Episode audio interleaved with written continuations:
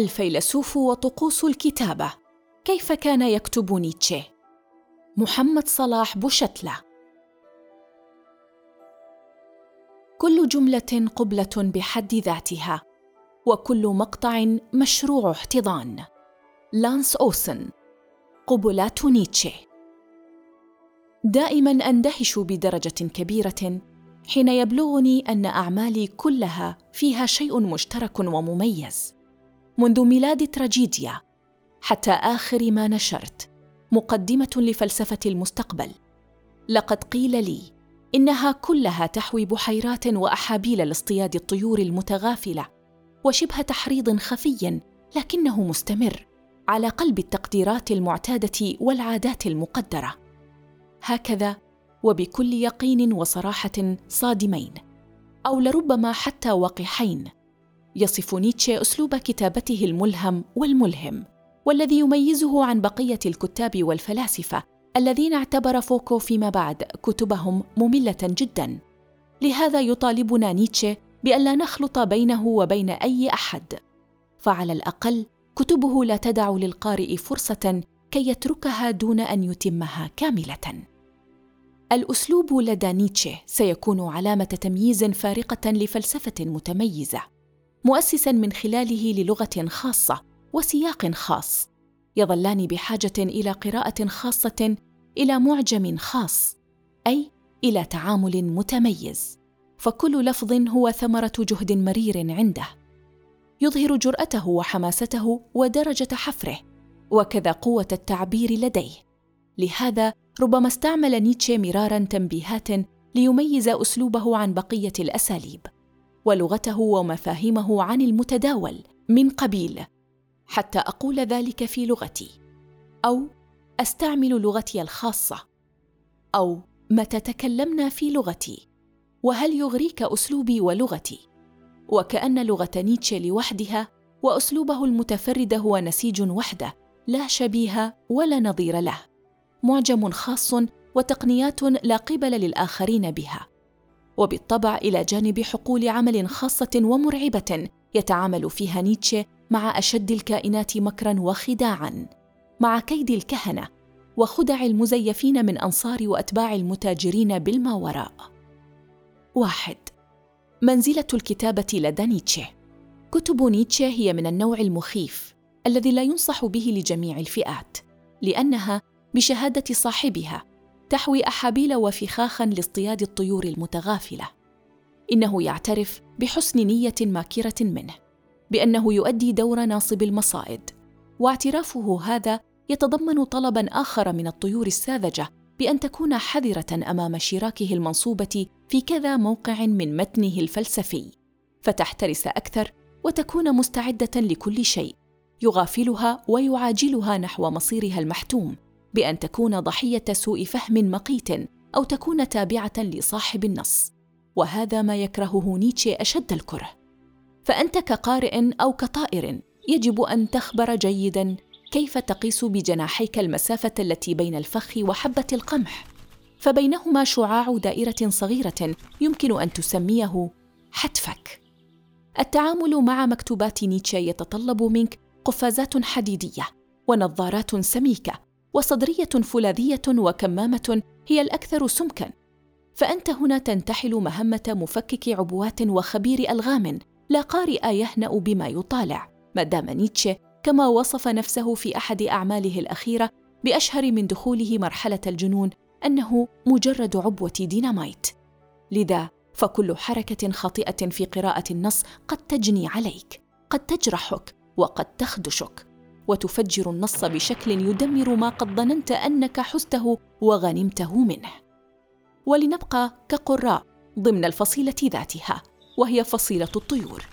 فنيتشه رغم أنه عانى دوما من ضعف بصر حاد فإنه مع ذلك بقي في شذراته الملهمة حاد البصيرة.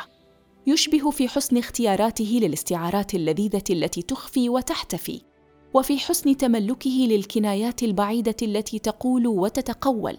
وللأفكار الشرسة التي تفتح اقواسا وتغلق اقواسا وفي شدة استثماره للكلمات التي تبدي وتوحي واستيعابه للمجازات التي تظهر وتضمر. حاله في ذلك تماما كحال طائر يهبط إلى نقطة محددة من الأرض بسرعة وتركيز ليلتقط شيئا لم نوفق نحن في ملاحظته وتمييزه. نيتشه لم يكن يكتب بالحرفة أو تحت وطأة تقنياتها. وإنما بدوافع منبثقة من شهوة الكتابة نفسها وبحرارة الفكرة الأولى ولأجلها.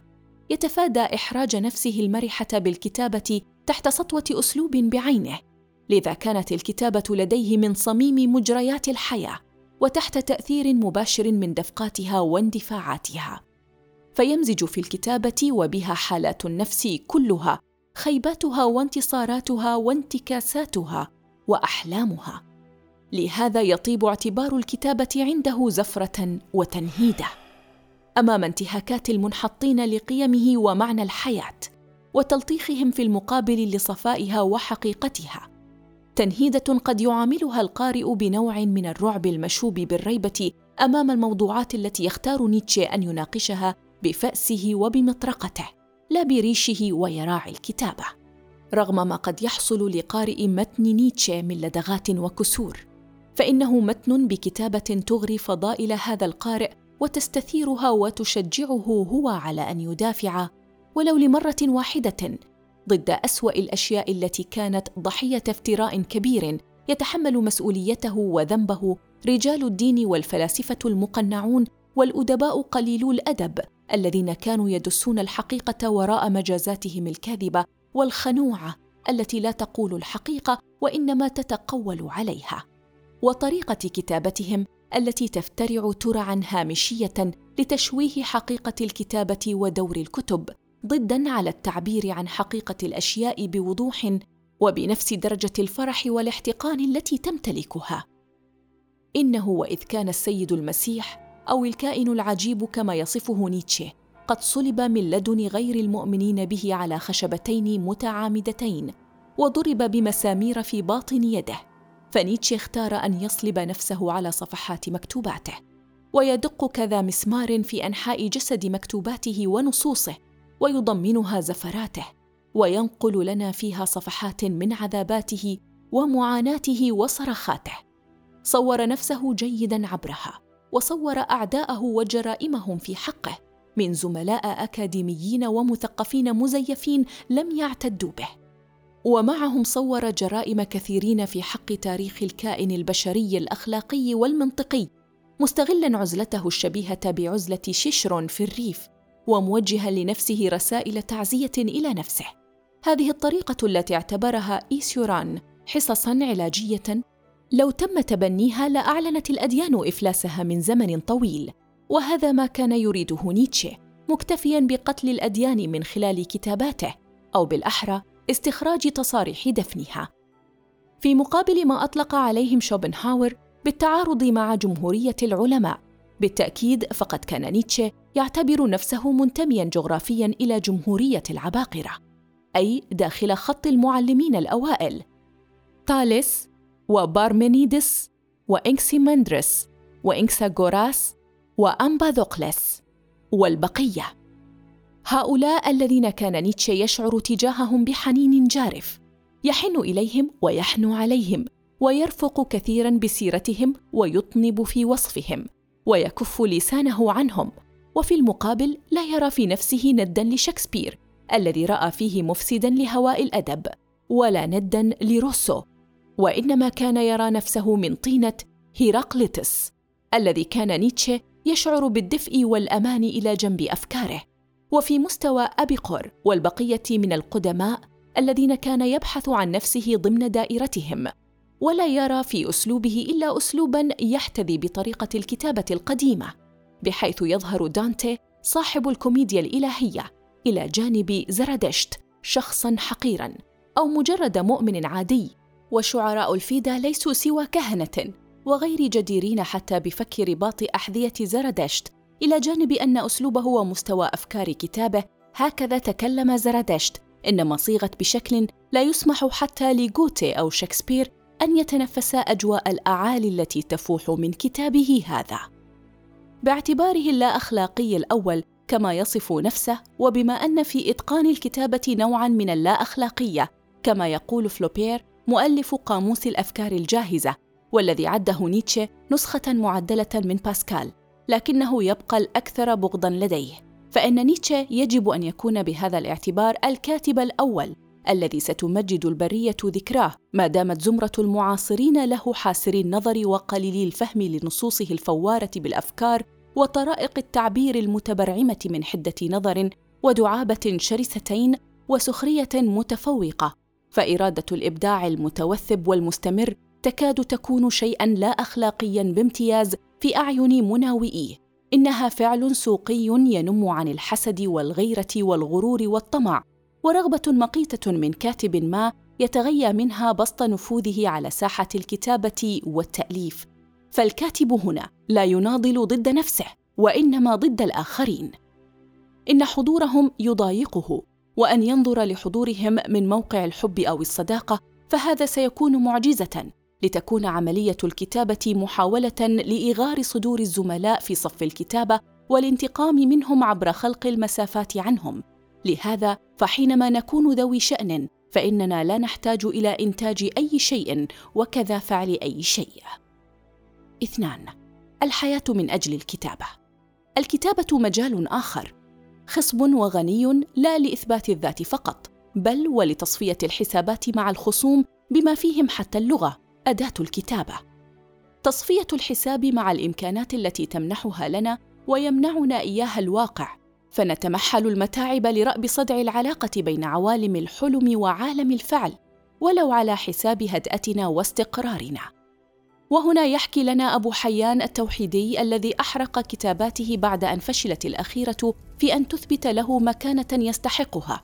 يحكي أن غريمه التاريخي الوزير والكاتب ابن عباد خرج من الري متوجها إلى أصفهان ومنزله ورامين فجاوزها إلى قرية غامرة على ماء ملح لا لشيء إلا ليكتب. كتابي هذا من النوبهار يوم السبت نصف النهار حيث غير الصاحب ابن عباد مقصده رغم عناء المسافة والحمل وآثر أن يتكبد مشقات جمة في بلاد كريهة لا لشيء إلا لمناسبة كلمة النوبهار لكلمة النهار. نيتشه من جهته ترك مهنته مدينته أسرته. زهد في كل شيء ولوى عنق الحياة بأكملها صوب وجهة أخرى. لا لشيء إلا ليوفر لنفسه شروط وحيثيات التأليف الجيد والمميز. ولربما ليحضر كل الطقوس لملاقاة أرواح كم من هائل من الفلاسفة الذين أغرم بهم. وليعد جميع الظروف للهروب الجيد أيضا من معاصريه. هذا بالطبع إن كانت الكتابة هروبا لا مواجهة أو مواجهة عن بعد وليضمن الطقس الجيد للكتابة. لأجل الكتابة أعطى نيتشه لنفسه عطلة وإجازة من كل شيء ليتفرغ للإنتاج الإبداعي. وذلك عوض تصحيح أوراق طلبته في الجامعة التي لم يكن ليعجبه فيها شيء لا الزملاء ولا المناهج ولا المقررات ولا حتى طلبتها باحثا عن أجواء أكثر شاعرية في قرى سويسرا وإيطاليا خاصة وهو المغرم بشعراء الإغريق الكبار إسخيليوس وبقية كهنة الشعر وسدنة القوافي القدماء. غير أن عطلة نيتشه لم تكن لتشبه عطلة كداح البروليتاريا التي انتزعوها. زمن نيتشه بالضبط من أجل أن يجربوا النوم إلى العاشرة ويختبروا يومهم دون ضجيج الآلات البخارية. فعطل وإجازات نيتشه كانت بحثا عن جو مناسب لكتابة كتب جيدة. فالكاتب يحافظ على طبيعته ككاتب أينما ذهب وامتلاكه للعطلة يعني أنه يعلن عن إنسانيته. إن وظيفة رجل الأدب بالنسبة للأعمال البشرية تشبه وظيفة الرحيق بالنسبة للخبز. جوهر عجائبي خالد. وإذا تنازل واتخذ شكلا اجتماعيا ما فذلك لكي يفهم اختلافه المهيب بشكل أفضل. الكاتب عند نيتشه هو ذاك الكائن الذي من لحم ودم وكثير من الأفكار. اختارته العبقرية ليتكلم بالنيابة عنها في روع الخلائق. يجب أن يتمتع ببعض الراحة وسط عالم يتفجر بعيون من القلق والجنون وأن يبتعد عن الجميع أو يبتعد عنه الجميع. فهذه هي الهدية التي يقدمها رفاقه من البشر. والمكافأة هي حتما جولة في صحراء أو اللجوء إلى مغارة في جبل. يقول نيتشه عن نبيه ورجع زارا إلى الجبال إلى عزلة كهفه ليحتجب عن الناس كالزارع ألقى بذوره في أثلام أرضه وبات يتوقع نبتها. فخير الراحة ما تنتجع في أعالي الجبال قرب الينابيع الباردة. إلي أيها الأصحاب لنحول هذه الراحة إلى غبطة وحبور فهذه ذروتنا. إن مملكتي ليست من هذا العالم فلأذهبن مفتشا عن جبال جديدة. نيتشه كائن خلق ليكتب ولتكون له الكتابة عوضا عن كل الحياة. بما هما الحياة والكتابة جمع لتفاصيل مملة.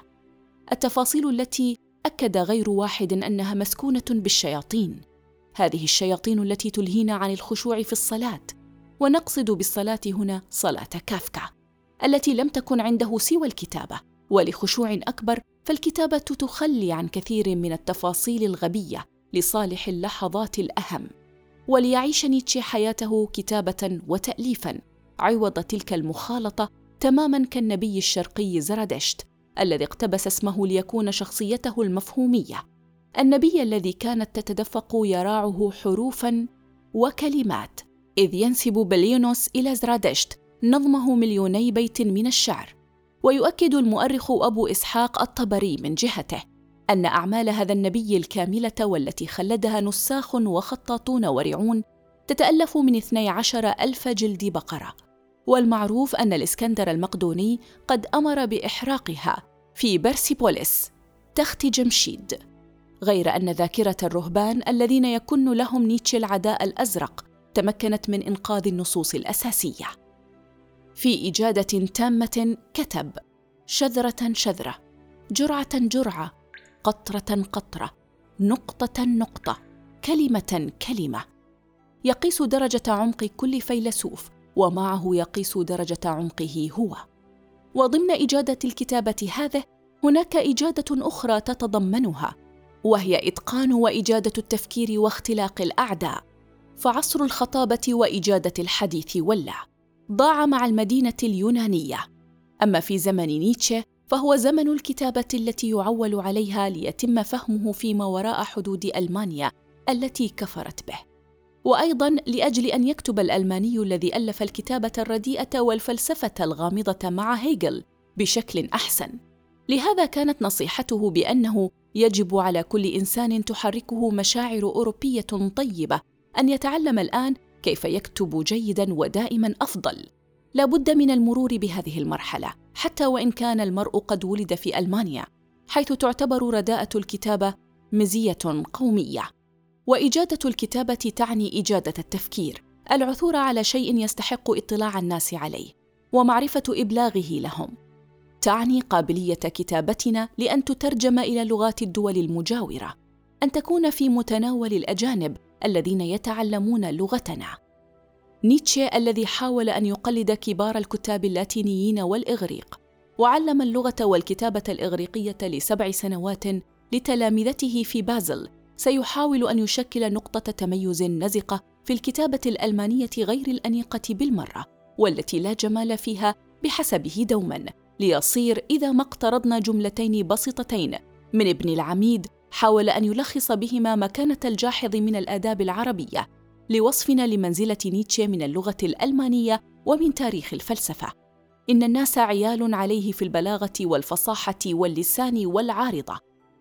والجملة الثانية إن كتبه تعلم العقل اولا والأدب ثانيا. وإضافة إلى كل ذلك تعلم الطريقة التي يدفع بها الكاتب الفكرة إلى حدودها القصية مطوعا اللغة للتعبير عنها. ثلاثة الشذرة كصهارات بركانية.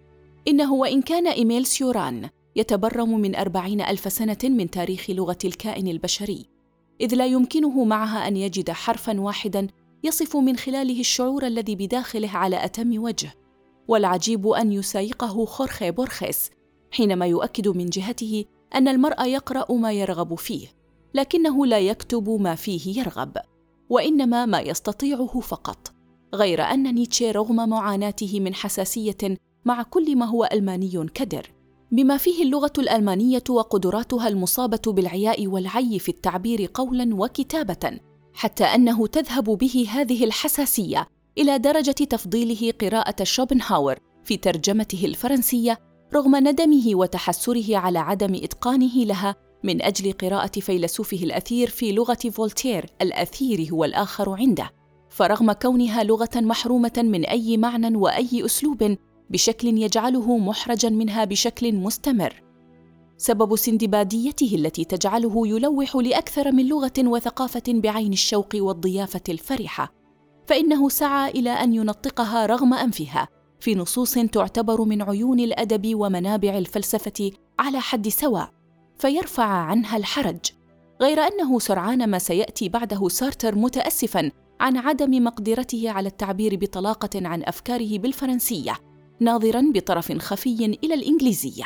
لكن ألا يتدخل في انبهارنا بنصوص نيتشه الآن أنها كتبت بالألمانية قبل أن تترجم؟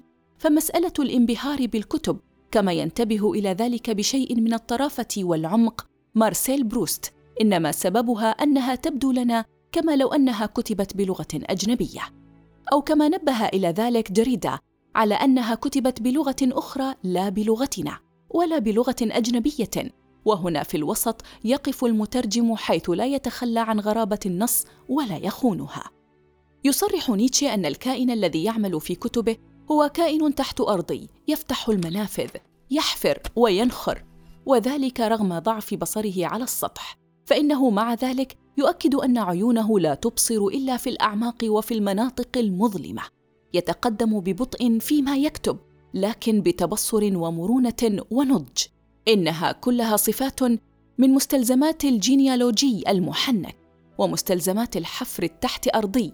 فنيتشه كائن سردابي بامتياز أي خلدا لا يفتأ يخلق لنفسه الممرات.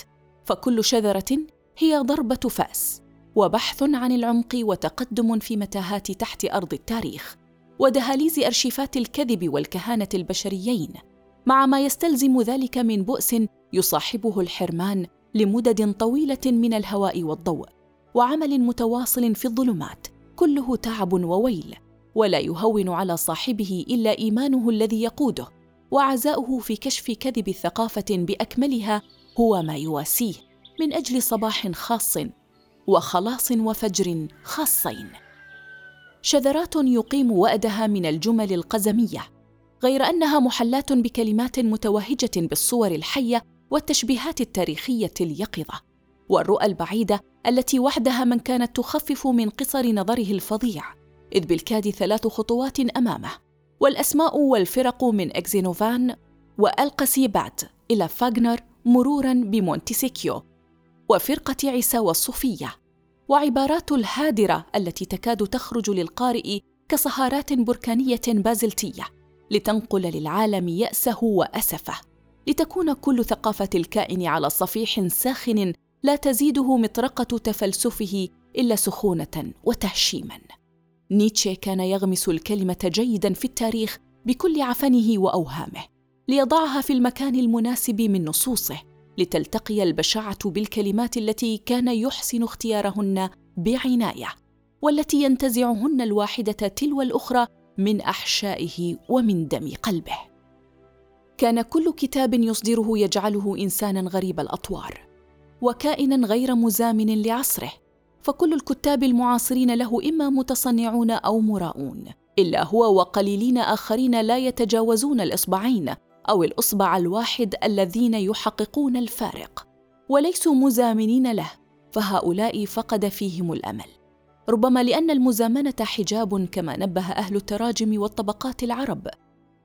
يقول نيتشه أنا أعرف كاتبا واحدا فقط.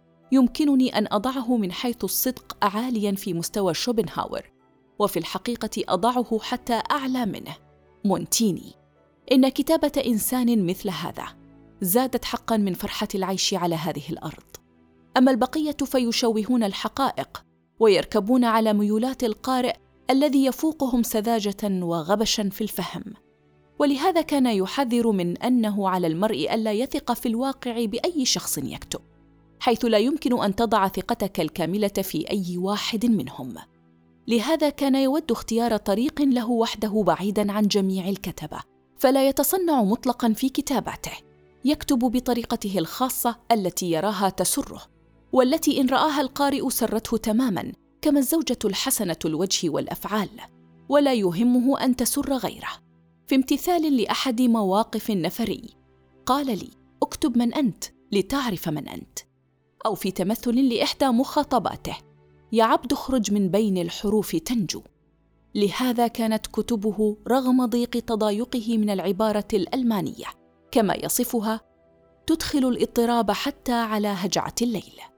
وهذا ما كان يجعل كتبه كتبا جيده كتبا تدمي وتغرس خناجرها في القارئ. فهو يصف قلمه الذي يحمي به جنته ويحتمي به سيفا يشهره على معالم الانحلال في ثقافة عصره. كما يشبه أسلوب سقراط بطعنات سكين والسلاح الذي لا يرحم الذي يعري ويهين. نحن لا نبحث مع نيتشه عن أسلوب الكتابة الذي يضحكنا ويسعدنا وإنما على الكتابة التي تجعل من الكتب تقع منا موقع الكارثة. الكتب التي تحزننا بعمق مثل وفاة شخص نحبه أكثر من أنفسنا. كما يذهب إلى ذلك كافكا. حيث يجب أن يكون الكتاب هو الفأس الذي يكسر الجمود. لأنه لم يرغب في أن يكون مملا وعارفا بمضرة أن يكون الكاتب ثقيلا. كان يكتب بطريقة تشد الانتباه غنية بالأسماء وبالمعارك. لهذا كان يؤكد من غير الممكن لامرئ أن يدع كتابا من كتب إذا ما شرع في قراءته ربما لأن فيها ما ليس في بقية الكتب صدقا ودما والما وسخرية حد الضحك. يقول ممجدا كتابه ما وراء الخير والشر بعد نكسته حينما لم يقابل بما يستحقه كفيلسوف وككاتب. أعرف خطئي أنا مفرط الغنى ومفرط الشغف أنا أزرع البلبلة. أملك كلمات تفتت قلب إله. أنا موعد لقاء تجارب لا يمكن أن تتم إلا على ارتفاع ستة آلاف قدم فوق كل التجارب الإنسانية. أي فكرة خطرت ببالك يا كتابي الصغير المسكين حتى تنثر لآلئك للألمان؟ أي حماقة ارتكبت؟ وكأن نيتشه كان يكتب لنفسه فقط. نعم وليس تحت طائل إثارة الإعجاب به أو استثارة الاستنكار ضده بإعادة اكتشاف ما يؤمن به وكشفه للناس بالطريقة التي تحلو له هو لا للناس بكتابته الخاصة. فلا أحد يستطيع تحمل ضجيج وقع المطارق كما أنه لا يكتب ليعجب أحدا أو فئة ثقافية بعينها خاصة وأنه كان يهجم على كل من يصادفه في تاريخ الفلسفة من زمن سقراط إلى زمنه عبر إبيكتيتوس وهيجل وهلم جرا. ولكأنه حطيئة الفلسفة الذي كانت مهنته هي هجو الخليقة دون استثناء والاعتداء الشعري عليهم بما في ذلك خلقته حيث بإمكانك أن تقلب كذا صفحة كتاب واحد لتجد هذا البيت حاسما في اختصارها. أبت شفتاي اليوم إلا تكلما. بشر فما أدري لمن أنا قائله. في الحين يعتد نيتشه بالشذرة سلاحا هجائيا ضد راهنه الفلسفي والثقافي المنبطح والمنحط. ولكن أليس هذا ما يفترض في تأليف الكتب بأن نقول فيها ما لا نجرؤ على البوح به لأحد دون خوف ولا وجل وبشموخ النفس وبأنفة وعزة الفلسفة؟ وهذا ما كان يهتدي به نيتشه إذ كان يرى في كل شذرة يكتبها أنها ليست مقدودة من كلمات وحروف. بل مصنوع قوامها من شهب صاعقة ومجنحة أطرافها من شرارات كذا برق انفلت من السماء القاصية ووقعها من شهقات رعد مداري لتظل أقرب من الكتابة المزاجية كما هي حملات المطر الاستوائية حين تغضب وحين تهدأ تغضب من شيء ثم تفرح للآخر في تنوع أسلوبي مخاتل لغويا ولا ينساق بسهولة. تجعل الرجل اديبا أكثر مما هو فيلسوف ثم ترجح فجأة كفه الفلسفة على حساب الأدب والشعر فيها. يسكن أرض الفلاسفة كي يطل بأطماع توسعية واضحة على أرض الفلاسفة. لا يشبه كثيرا أصحاب المطولات الفلسفية المعروفين لكنه ينافسهم ويعاركهم واحدا واحدا. مجيبا عن سؤال عنترة هل غادر الشعراء من متردمي؟ بأنه ما يزال قابعا في متردمه الأول وهو عالم الشعر. ليظل شاعرا يتكلم في مواضيع فلسفية كثيرة بشكل قد يحقق اضرارا بالفلسفة واضرارا بناصية الشعر. أو قد يمنح كل منهما أدوات عمل وخصائص يفتقدها كل منهما. تهجين الشعري بما هو عقلي ودقيق وتحيين الفلسفي بالنفس البلاغي الرشيق. وأي محاولة للفصل بين الجانبين عبر أي عملية كيميائية.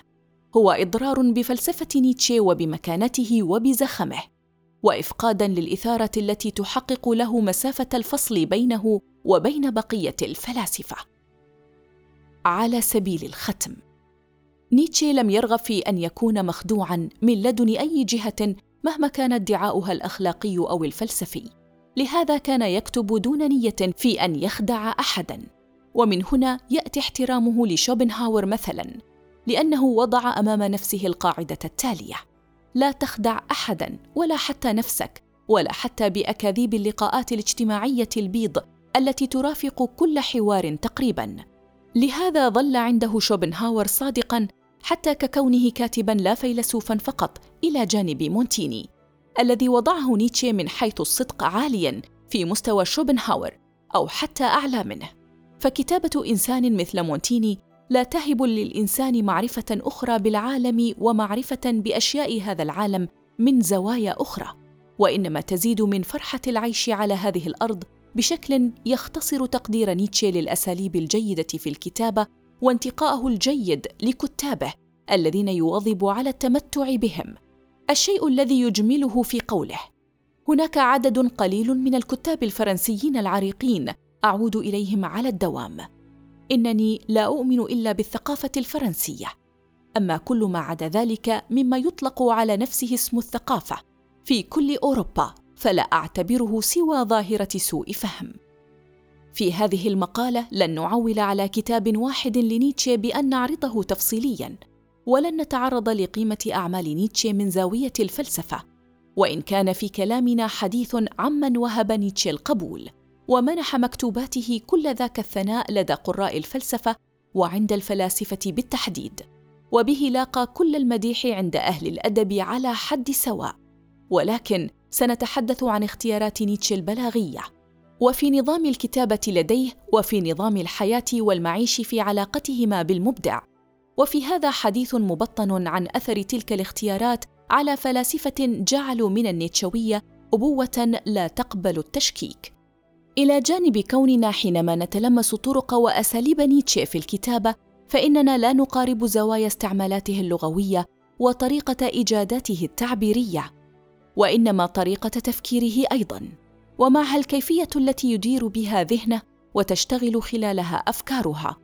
وتستعلي بها مقارباته للمواضيع لا لفهم نصوص نيتشه فقط بل لفهم كيمياء الإبداع لديه.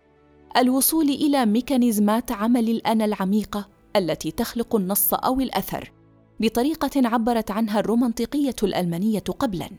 أي فهم الكاتب المؤلف أحسن مما فهمه هو نفسه وبفهم طريقة الإبداع والخلق لديه بالتأكيد نتعلم منه.